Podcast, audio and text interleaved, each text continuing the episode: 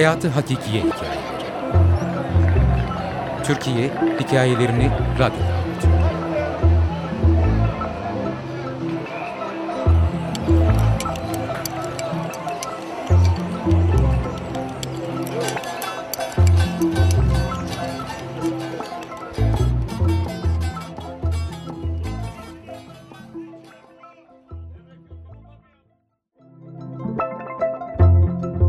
Mucur yolcusu kalmasın.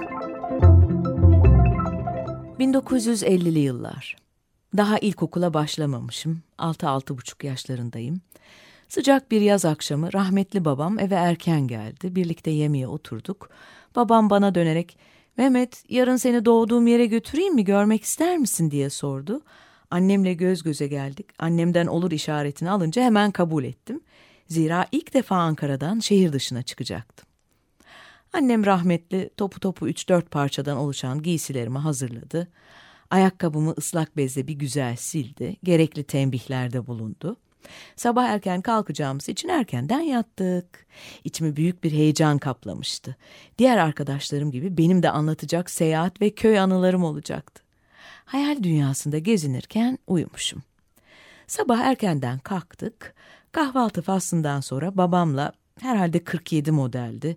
Kapıları şimdiki otomobillere göre ters açılan siyah kırmızı deri koltuklu taksiyle Ankara otogarına doğru hareket ettik.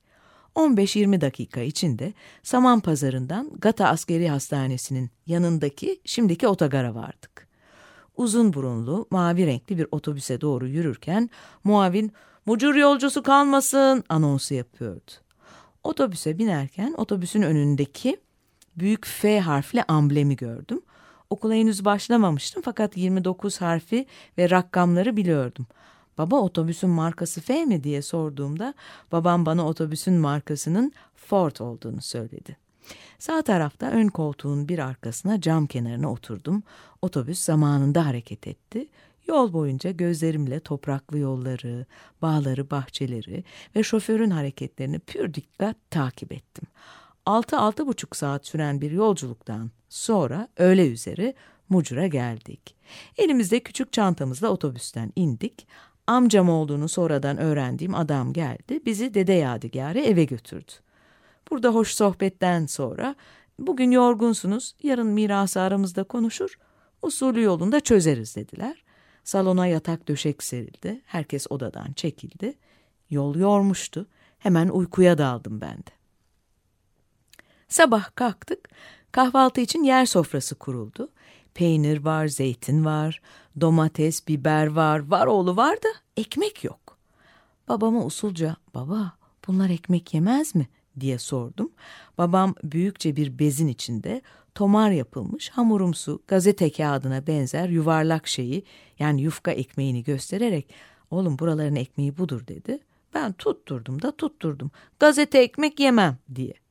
Neyse ki biraz sonra 15 dakikalık mesafedeki fırından onların çarşı ekmeği diye tabir ettiği ekmeği getirdiler de ben de sofraya oturdum.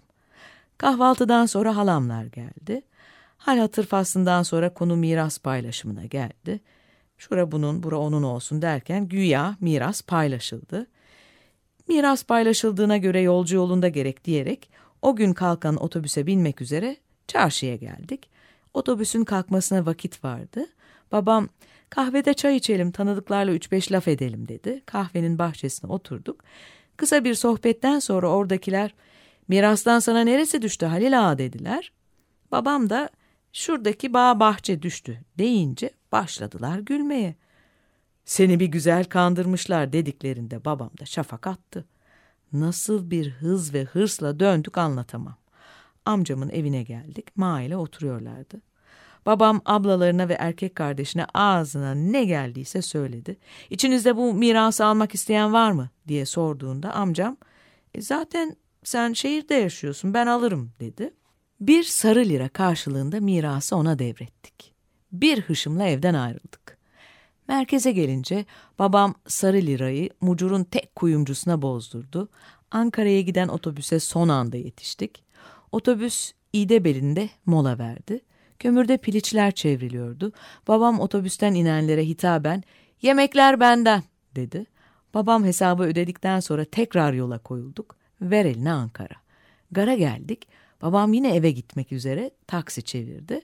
Bindik, saman pazarına geldik. Babam bir taksimetreye bir de kalan paraya baktı. Hala bozdurduğumuz sarı liradan para vardı.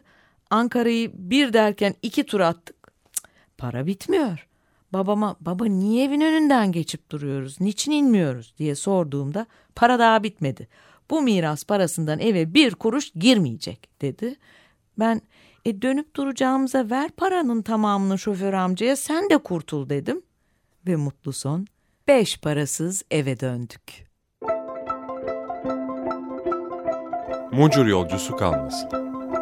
Yazar Mehmet Soylu Editör Melisa Kesmez Okuyan Tilbe Saran.